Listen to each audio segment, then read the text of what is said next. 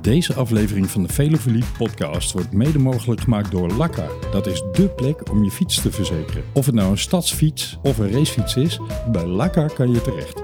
Bij Lakka betaal je een flexibele maandelijkse premie met een van tevoren bepaald maximum.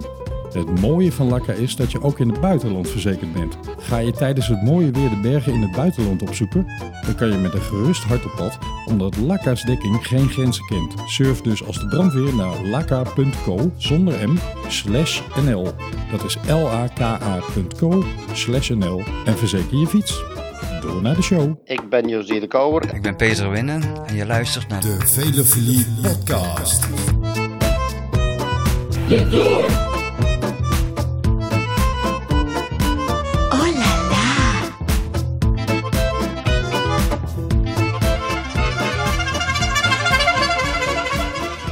Vanuit Fantastisch. België, groeten Josie de Kouwer. Goedemorgen, middag en avond, bon soirée, bon journée et bonne nuit, beste wielenvrienden en vriendinnen. Welkom bij weer een nieuwe Velofilie podcast Tourflits nummer 4. We flitsen door de voorbeschouwing heen op weg naar de toerstart.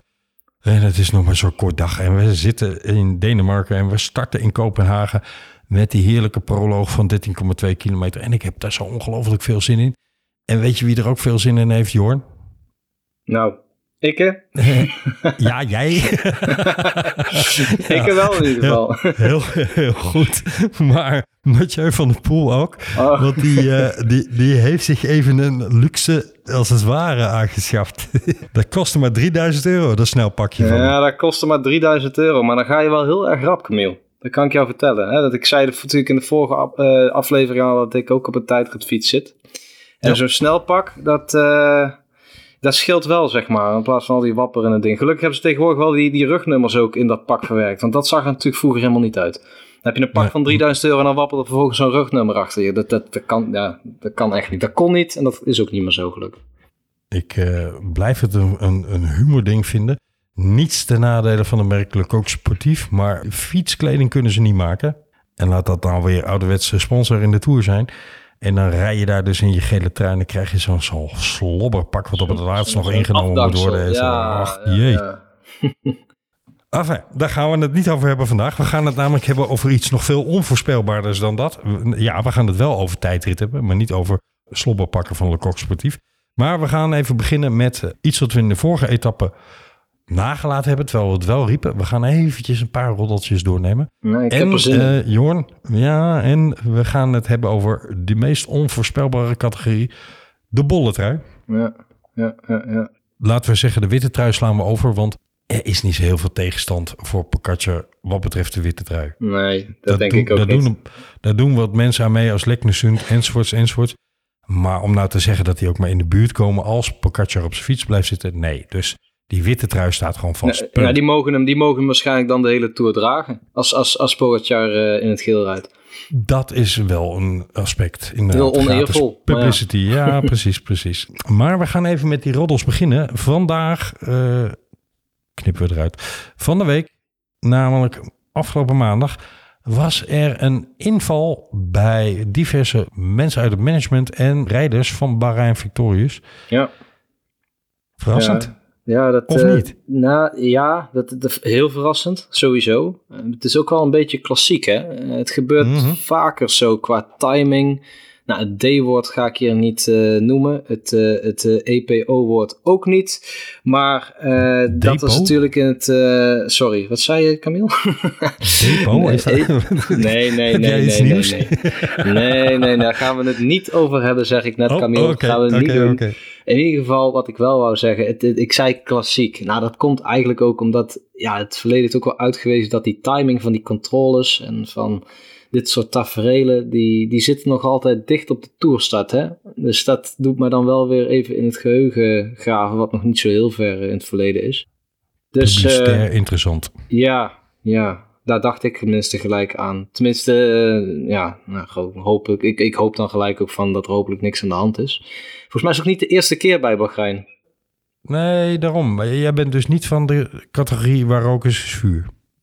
Ja, mm, ik, ik, ik ben eh, positief ingesteld, laat ik het zo zeggen. Al is het woord positief hier eh, nogal aparte lading. Ja, je kunt het ook uh, voor iets anders. Het eindigt ook op Yves, maar het begint iets anders. Uh, maar dat laat ik na om te zeggen. Ja, mooi zo, hou we zo. ik, ik ben een uh, realist, realpolitiker in deze. ik erken volmondig dat het aanwezig is en kan zijn. En vind dat even goed geen belemmering om van deze sport te genieten. dat zou namelijk een bruggetje kunnen zijn naar de bergtrui. Waar het niet dat ik het zeker niet over een bepaalde Franse winnaar wil hebben. Die altijd ontkend heeft met zijn geblondeerde koep. Maar tegelijkertijd dreigt de bolletrui toch ook wel weer een Franse aangelegenheid te worden dit jaar.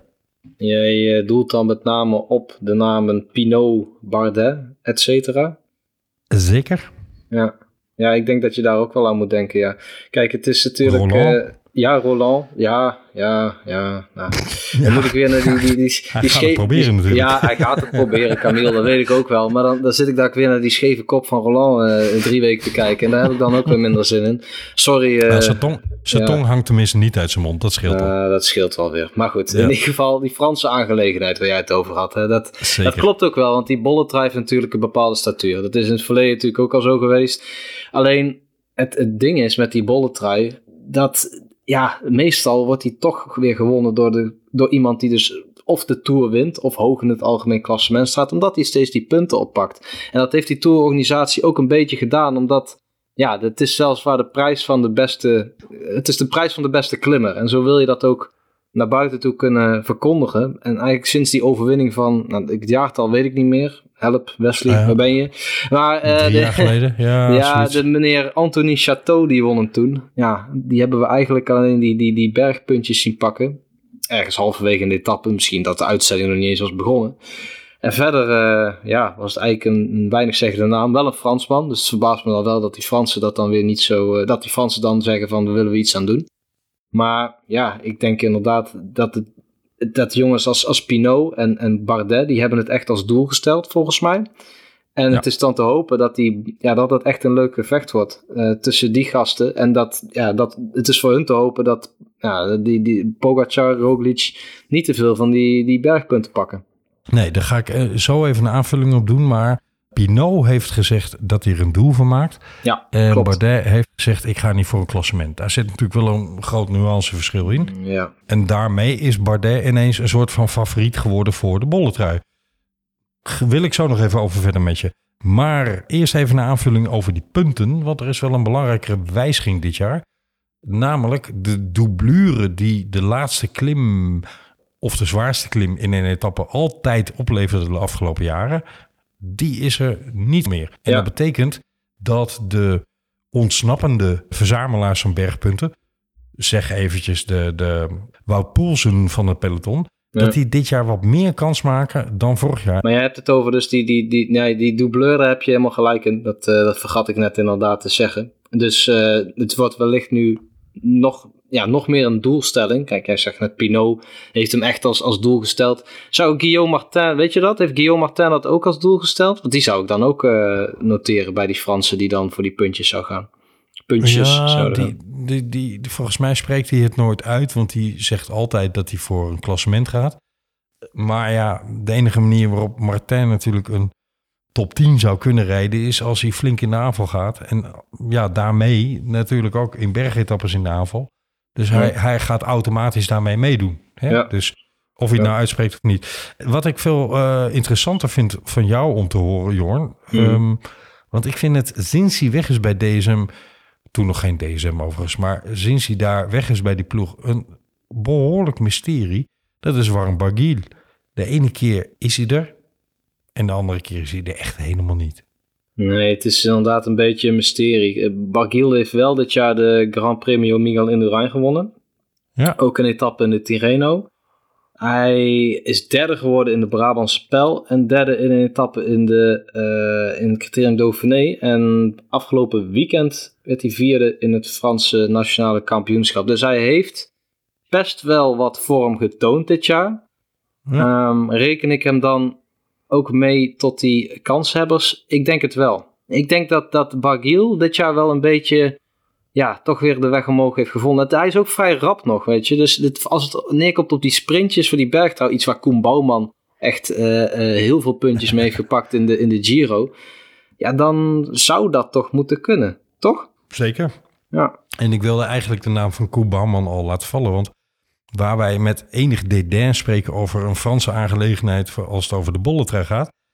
daar waren we natuurlijk joegel trots op die blauwe Ja, trui in, eh, in de Giro. klopt, Dus klopt. Zo Dat- hypocriet zijn we dan nou, dat moeten we goed dat je het zegt hoor, want wij zitten inderdaad eh, die bollentrui met die Fransen. Nou, dat, dat, ik betrap mezelf daar nou ook op. Als nou, stel, Steven Kruiswijk had uitgesproken, hè, even los van alle eh, eh, de, de, de kopmannen in die ploeg, had uitgesproken, ik ga voor die bollentrui. Nou, dan zouden al die Nederlanders op al die bergen in Frankrijk Steven Kruiswijk aanstaan te moedigen om die bollentrui te pakken. En als hij hem dan zou pakken, dan zouden we er hartstikke trots op zijn. Dus die Fransen die zijn dadelijk ook gewoon hartstikke trots als eh, stel eh, Pinot of eh, Bardet of Barguil pakt hem en terecht. Dat is ook gewoon, ja, dat is gewoon een hele mooie prijs. Barguil heeft hem natuurlijk in het verleden al gepakt.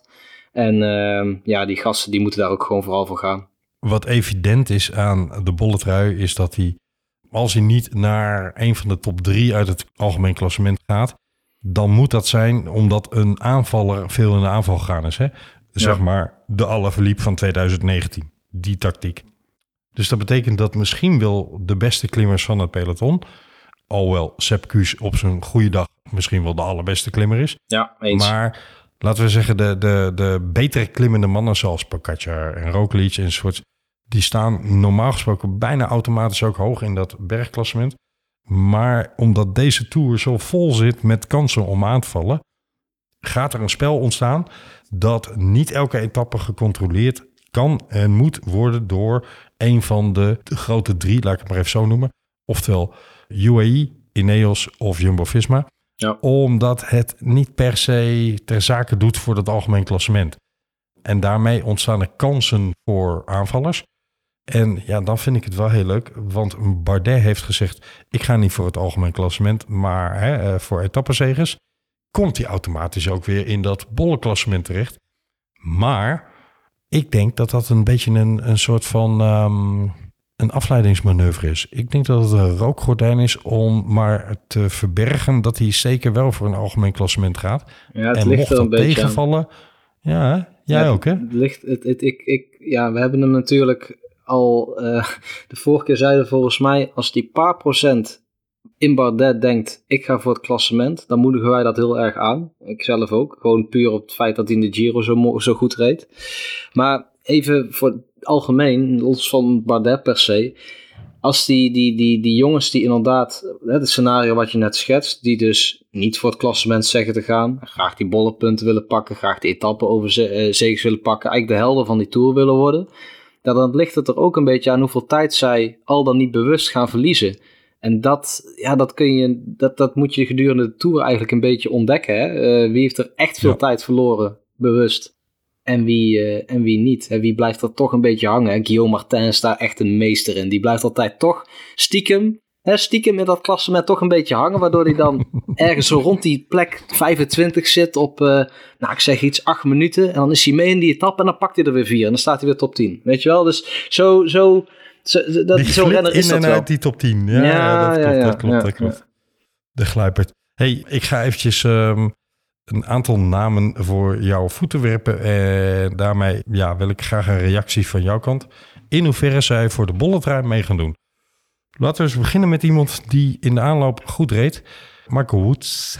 Michael Woods. voor de Mike- bollen, hè? Ja, voor de bolletrui. Ja, ja, ja. Ik, eh, ja, ik ben wel eh, redelijk fan ook van, van Michael Woods. Ik vind dat een mooie coureur. Is op wat latere leeftijd doorgebroken. Eh, kan ook in de, ja, in, eh, ja, in die, die, die kleinere kolletjes kan hij ook natuurlijk puntjes pakken. Omdat hij ook gewoon rap is. Eh, ik weet niet of daar een heel groot puntenverschil tussen zit. Is dat zo, Camille? Weet je dat? Tussen die, die, die, echt die buitencategorie bergen en dan zeg ik iets tweede categorie, derde categorie klimmetjes. Ik zal ze even opnoemen, Jorn.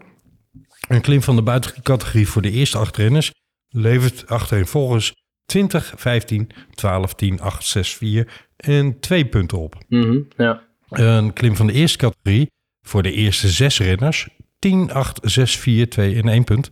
Klim van de tweede categorie voor de eerste vier renners 5, 3, 2 en 1. En een klim van de derde voor de eerste twee renners 2 en 1 punt. En een vierde categorie is alleen voor de eerste 1 punt. Ja, kijk, dat zijn toch nog wel redelijke verschillen hè, als je als eerste boven komt. En Ja, dan is het toch een beetje. Dan is het denk ik wederom het gevraagd van. ehm, gaat Woods daarvoor? Of gaat hij inderdaad voor die punch-aankomsten die we eerder hebben besproken? Ik. ehm, ik, ik weet het niet. Ik, eh, ik, ik, ik, ik denk het. mm, Ja, ik twijfel heel erg. het is, Blijft hij hangen, blijft Ja. hij hangen om voor het klassement mee te doen? Ja, vind ik, ja, ik, ik terecht, denk- ik twijfel ook hoor. Eh, Ik, ik vind hem gelijk heel moeilijk. Hè. Het is een rare ploeg, het Israël Premier Tech. Ze moeten punten pakken voor die World Tour. Ehm, dus Woods zal sowieso veel top 10 moeten gaan rijden. Ja, ik... ehm, hij zal moeten aanvallen, dat is ja, zeker. Ja, dus mocht het inderdaad zo in dat scenario vallen wat jij net beschreef, dan zou het kunnen. Maar ik zou hem niet als eerste opschrijven. Een wellicht veel voor de hand liggendere naam voor de bolletrui, Esteban Chavez, Ja, die klimt eh, echt goed. is in vorm. Ja, eh, tijdens het opnemen van deze podcast weten we volgens mij nog niet zeker of hij meerijdt, Esteban Chavez. Maar mocht hij meerijden, hij klom goed in, eh, in Zwitserland. En eh, ik vind dat ook wel een jongen die... eh, ja, die Colombianen die dragen dat ook met trots mee, weet je. Dat is net als eh, mensen zeggen altijd, eh, de, de- België, Frankrijk zijn de meest wielergekke landen ter wereld. Nou kan je zeggen, in Colombia zijn dat soort helden met Uran en, Uran en eh, Quintana voorop. Ja, dat zijn echt de, dat zijn superhelden daar. En eh, Chavez in zo'n bolle trui, ik, eh, ja, ik, als hij meerijdt, ik schrijf, hem, ik schrijf hem gelijk op. Ja, net zoals eh, die andere Colombiaan, eh Nairo Quintana. Die, eh, die zou ook gewoon eh, voor zo'n bolle trui moeten kunnen gaan. Dan moet hij dan misschien daar gaan concurreren met zijn ploeggenoot, hè, met Barguil. Dus ik weet niet eh, in hoeverre daar afstemming op zit. Maar ik, ja, ik zou het ook nog wel leuk vinden als hij, als hij daarvoor gaat. En in Occitanië, daar kon hij dus Woods en met wie zat hij nog meer mee? Oh ja, Carlos Rodriguez, daar, daar, die kon hij niet, eh, niet bijbenen. Dus Nee. hij moet wel een stap gezet hebben nog sinds. Ja, dat weet ik. Maar je hebt gelijk, hij zal er, hij zal er ongetwijfeld een, eh, een doel van gaan maken als het klassement tegenvalt. Ik heb eh, nog, eh, maar daar gaan we verder snel over door. Want eh, we hebben het in de- een van de vorige flitsbeschouwingen over gehad. Ruben Guerrero, ja, gaat zeker meedoen, gaat zeker veel aanvallen. Ja.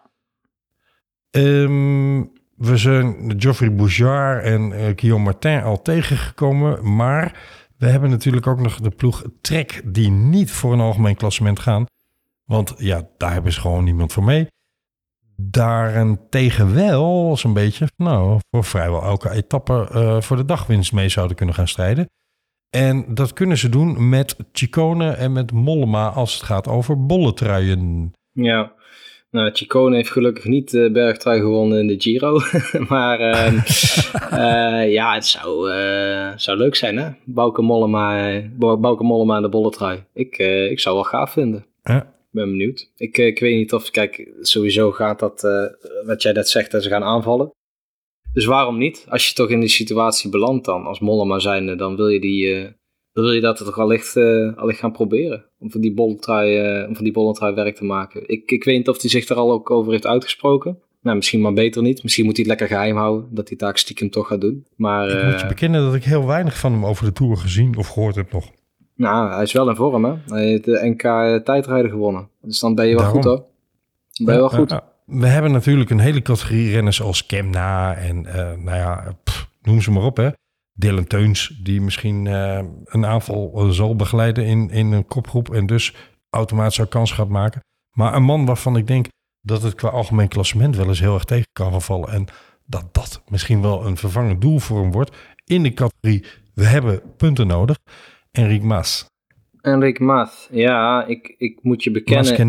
Ja, ik moet jou bekennen. Ik heb dus die lijst pas geleden voor het eerst bekeken met die mogelijke degradanten. En toen Ja. schrok ik mij echt, nou, het, het, het laplazerus dat ik daar Movistar eh, ergens eh, onderaan zag bungelen. ik dacht, wat is dit nou? dat is in mijn optiek nog altijd eh, de ploeg van Valverde die meedoet voor de grote zegens, om het dan maar zo te zeggen. Ja, en, en Mat, zoals je dat zo mooi zegt, en zo moet, zo moet je dat zeggen in, op zijn Spaans. Ja, ik, ik, ik zie hem ook geen hele hoge ogen gooien in het klassement. Dus het, het, zou wel eens, het, het, het zou wel eens een dark horse kunnen zijn voor die bolletrui. Ik weet dat, eh dat Wesley heeft natuurlijk vorige keer ook al gezegd, hè, van nou, Mas klimt, of is, is niet in supervorm. Maar nogmaals, die ploeg, het levert allemaal punten op, hè, zo'n zo'n zo'n bolletrui en zo, voor die, voor die World Hij Tour. zal Dus- moeten. Ja. hij zal, ja, Maar- inderdaad, het zal moeten. Misschien niet per Als- se Mas, maar die ploeg die moet. Die moet echt. Ja. Anders is het te laat. Corona bijvoorbeeld. Ja, ja. Ja. Als, als Mas niet in 24 stukjes ligt na de kasseirit, hè, want dat, Het is toch dat wel is een wel een terugkerend thema, Camille. Ja, ja. eh, maar dus mocht hij de eerste week overleven da en, en daarmee dan uit het klassement gevallen zijn, hè, want als hij overleeft, dan doet hij het niet goed. Dat bedoel ik ermee te zeggen. Dan wordt het een doel voor hem. Daar ben ik vrijwel zeker van. Maar ja, of hij daar dan goed genoeg voor is, is dan weer punt twee. Want als we zo dat rijtje wat we nu opnoemen doornemen, dan zitten daar wel mannen bij die zeker wel in topvorm zijn. Ja, En die, die daar stiekem zeker een doel voor maken. Dus het is maar de vraag of hij daar dan nog wel aan bod gaat komen, zeg maar. ja het is geen troostprijs. Hè. Dit, eh, dit is echt een groot doel voor, eh, voor veel renners. En ehm, Ja. ja, zo'n, eh, zo'n, zo'n, ja, je moet wel in vorm zijn, wil je die bolletrui winnen. Dat doe je er niet even bij, zeg maar. Ja, als je Pogacar of Roglic heet en je staat boven in het klassement en je, je pakt toevallig En heel veel die punten. luxe, ja, Ja. precies. Ja. Ik ga jou nog een naam voorleggen waarvan ik benieuwd ben wat jij van hem verwacht. Store. Poeh. Nou, dan noem je wel even een naam. Hij is, eh, ja, Michael Storr is natuurlijk eh, weggegaan bij, eh, bij DSM. Is bij eh Groupama beland. Groupama heeft een leuke ploeg met Pinot en Godu als speerpunten. Ja, de Storr heeft, heeft mij in ieder geval echt enorm verbaasd in die Vuelta van vorig jaar, waar hij ontzettend goed reed. Ja. Terecht dat je die noemt, denk ik. Ehm, ik weet niet zo goed hoe die dit jaar rijdt. Dus ik heb zijn uitslagen even niet bij de hand. Ik, ik moet zeggen, ik ben hem een heel klein beetje uit het oog verloren. Maar gewoon op basis van wat ik, eh, wat ik eerder van hem heb gezien. ehm, ja, heeft aanvalslust. Hij kan het afmaken. In de zin van hij, heeft een flinke motor erin zitten. Hè? Een beetje een, eh, een Thomas de Gent motor. Een beetje een Taco van de Horen motor. Weet je wel, zo eentje die, die lang in zo'n etappe kan overleven en het ook nog eens, eh, ja, en ook nog die laatste call of die, die laatste heuvel over kan komen. Dus ik, eh, ja, ik vind hem, ik vind hem wel leuk. Ja, zeker. Mooi, dan gaan we het bergklassement laten voor wat het is. En ehm, dan moet ik alleen nog even benoemen dat er een paar ontzettende fijne calls in zitten om vanaf de bank naar te kijken. Want de heren coureurs eh, is dat een stuk minder feest. En eh, zowel in de Alpen als in de Pyreneeën hebben we twee zware dagen achter elkaar. En ja, daar zitten namen bij als de Croix de Fer niet te doen voor mij van de kanten waarop ze hem dit jaar opgaan. Ja. En dat ken ik dan weer uit de beroemde Mammoth. En in de Pyreneeën komen we op een plek waar ik vroeger vaak en graag kwam als uitvalsbasis voor wat heerlijke klimmen. Dat is namelijk Voix. En daar hadden ze het hilarische grapje op zijn Frans. Il était une voix l'Ariège. Oftewel, dat betekent zoiets als er was eens een tijd. eh, de Ariège, zo heet dat gebied daar. Maar Voix schrijf je dan niet met een F, zoals de plaatsnaam wel is. En daarmee was het een woordspeling. Oh, daar waren ze zo trots op, jongen. Eh, echt, ik werd er knettergek van toen ik eenmaal door dat ze dat telkens zeiden. Maar heeft een heel grappig kasteeltje waar ze elk jaar een soort eh eh, festival, stuk spelen met heel veel licht en muziek en een operazanger is een operazanger en dat soort dingen. Leuk plaatsje mensen om een keer heen te gaan. En ja, je zit daar in een prachtige streek. Dat alles als inleiding naar eh, waar is die brug? Nou, die brug is te ver. Als inleiding naar eh, de tijdritten. Want we hebben dit jaar twee tijdritten in de Tour. En dat is al winst ten opzichte van andere jaren. Ja, En vooral dat die zeg afstand. ik met spijt in het hart, hè? Ja, ja want, vooral want die ik ben een tijdritliefhebber. Ja, ik ook. daarom. Ik ook. Het Ja. is die afstand die eindelijk weer eens een fatsoenlijke afstand is. Weet je, een tijdrit van 40 kilometer, dat, ja, dat hebben we al lang niet meer, eh, of lang, dat, hebben we, dat zien we gewoon niet al te vaak meer in die Tour. Eh voor mij betreft mag er gewoon nog een tijdrit in zitten of een ploegentijdrit. Want het is, eh, ja, het- is gewoon onderdeel van die complete renner die je als, als grote Precies. rondewinnaar wil hebben. En daar maakt het Ja. tijdrijden deel van uit. En ik heb het idee, maar dat is, eh, ja, dat is een, gewoon een, een idee, dat, dat die tijdritten eigenlijk ook af zijn genomen in de Tour, omdat, ja, enerzijds... De Fransen. Ja, de Fransen inderdaad. Hè. Ze dachten dat ze met Bardet de Tourwinnaar hadden. En waar was die nou niet zo goed in? In tijdrijden. En, En, met Pinot an- idem. ja. Ja. met Pino idem. En verder denk ik ook dat, eh, ja, heel, kijk, wij houden ervan, maar waarschijnlijk zijn er ook heel veel mensen die zo'n tijdrit helemaal niet leuk vinden om te kijken. En dan is die amusementswaarde niet hoog. Maar ik, eh, ik, ik, ik sluit me daar niet bij aan. En ik vind het ook eh, jammer als, eh, ja, dat die grote rondes tegenwoordig niet meer van die lange tijdritten bevatten. Maar goed, nu hebben we er gelukkig wel één. Dus laten we het daar vooral over hebben, Camille. Want dat, uh... Ja, ik, ik, wil, ik wil eventjes één detail nog noemen waarom een, tijdrit. Maar dan moet je dus in de details gaan kijken. En dat maakt het zo fascinerend. Die beroemde oude tijdrit op La Planche de Belleville tussen Pogacar en Roglic. Daar was achteraf van duidelijk dat Pogacar met een andere vertanding rondreed. Oftewel, andere tandwielen voor en achter dan gebruikelijk voor zo'n soort tijdrit. En dat was allemaal afgestemd en van tevoren getest en bedacht. En als je op dat niveau werkt, dan is een tijdrit machtig mooi en fascinerend om te volgen. Uh, soms weet je het pas achteraf, maar wordt het daardoor nog mooier. Dat vind ik het leuk aan een tijdrit. Ja, een tijdrit is, uh, komt het echt aan op de details. Dat klopt. Echt, je wil niet weten wat, wat, wat triatleten, dus ook zo'n tijdritfiets zitten, wat die allemaal aan, aan aerodynamica nog wegwerken op zo'n fiets. Of wegplakken soms met mhm. stickertjes, om, om toch bepaalde schroefjes weg te plakken en noem maar op. En achter op, het, uh, op het, het, het, ja, het achterste tandwiel dan, daar plakken ze ook soms. Dat schijnt tegenwoordig ook nog een bepaald hoesje overheen te kunnen. Nou, we hebben het, uh, begonnen deze, deze uh, aflevering met de tijdrit pak van Van der Poel. Alles komt erbij kijken en alles wordt afgestemd. En dat kan ook, hè. Je kunt alles meten tegenwoordig. En ja, uh, heel cru, of heel, heel, heel stom gezegd, meten is weten. En in zo'n tijdrit kan dat het verschil tussen winst en verlies uitmaken. Het is een secondenspel. En toch zijn er renners hè, die, die in het lab of in de windtunnel helemaal opgemeten worden. Soms zelfs met een dummypop als, als, als meetinstrument. Ja. En dan toch zeggen, ja, die ideale zit, dat mag hem dan aerodynamisch wel zijn. Maar ik kom er niet in vooruit. Dus zet mij maar twee centimeter hoger qua stuur. Of zodat de, hun longen wat meer open gaan, zodat ze wat minder ingeklemd zitten. Enzovoort. Oftewel, het blijft natuurlijk een kwestie van meten en in de praktijk toepassen. Of toepasbaar maken. Ja, Tom Dumoulin zei dat laatst wel heel leuk, hè, Camille. Die zegt van, ik... Uh, want het was wel best wel een, een discussie of Tom Dumoulin of die nou wel of niet van het, uh, van het meten is en zo. Maar hij juist staat heel erg open voor die laatste technologie om dat allemaal goed te analyseren. En hij staat daar heel open voor om zichzelf te laten opmeten, met onder andere een dummy pop.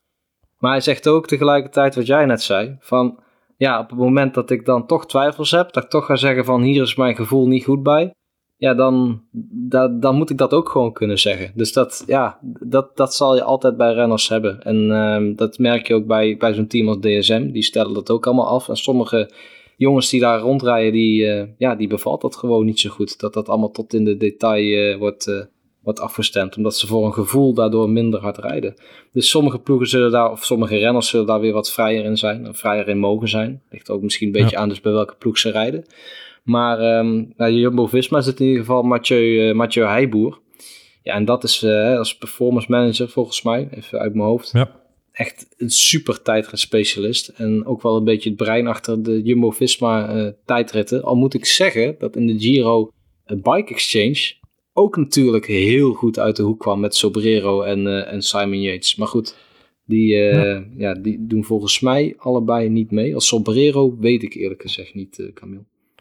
We gaan het zo even over namen hebben. Maar ik ga eerst even, jij als tijdritliefhebber en triatleet, ga ik je even twee gewetensvraagjes, quizvraagjes voorleggen.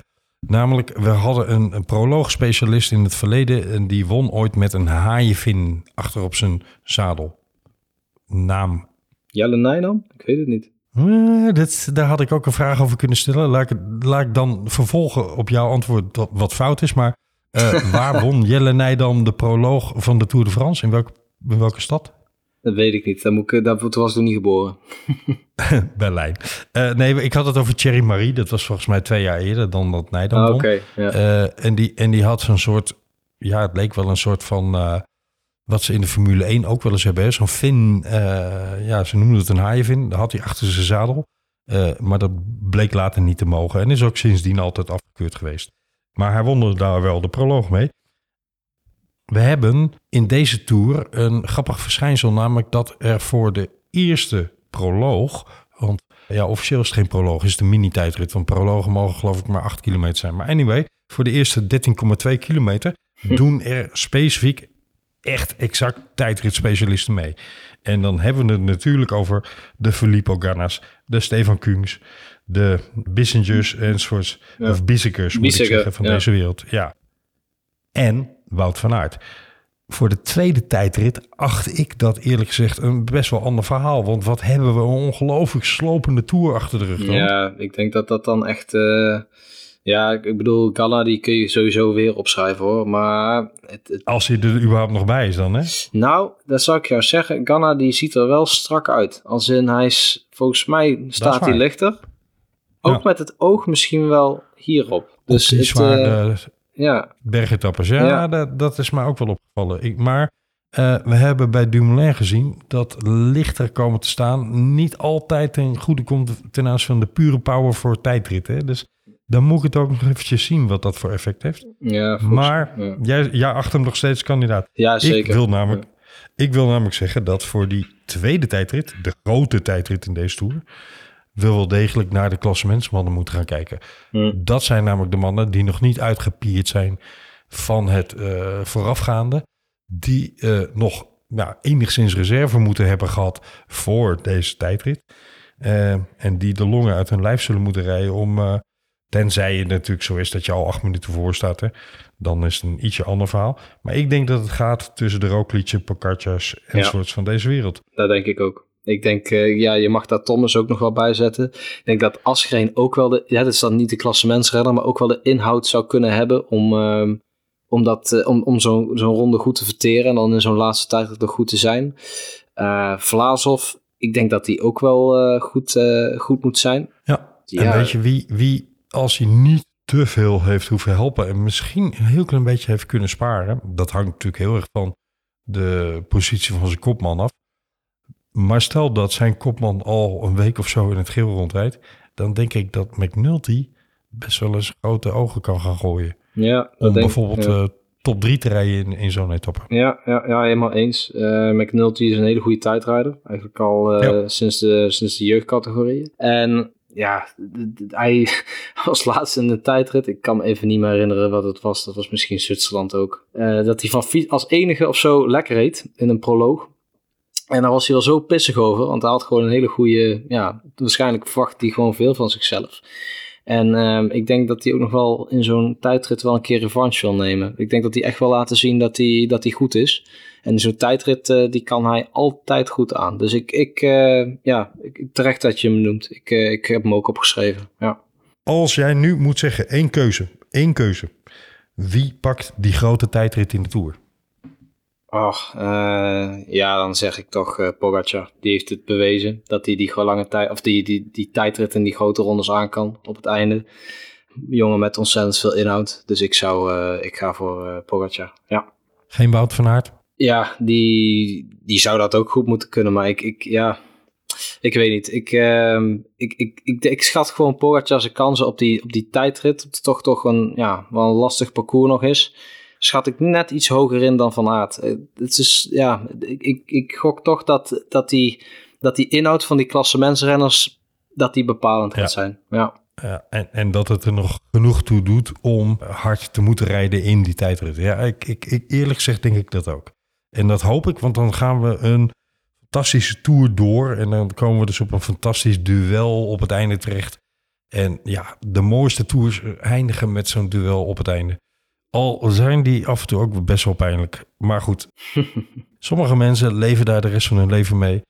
Franse coureurs met een paardenstuit en een brilletje die niet meer onder ons zijn. Ja, sneu. Laurent Fignon. Sneu. Ja. ja.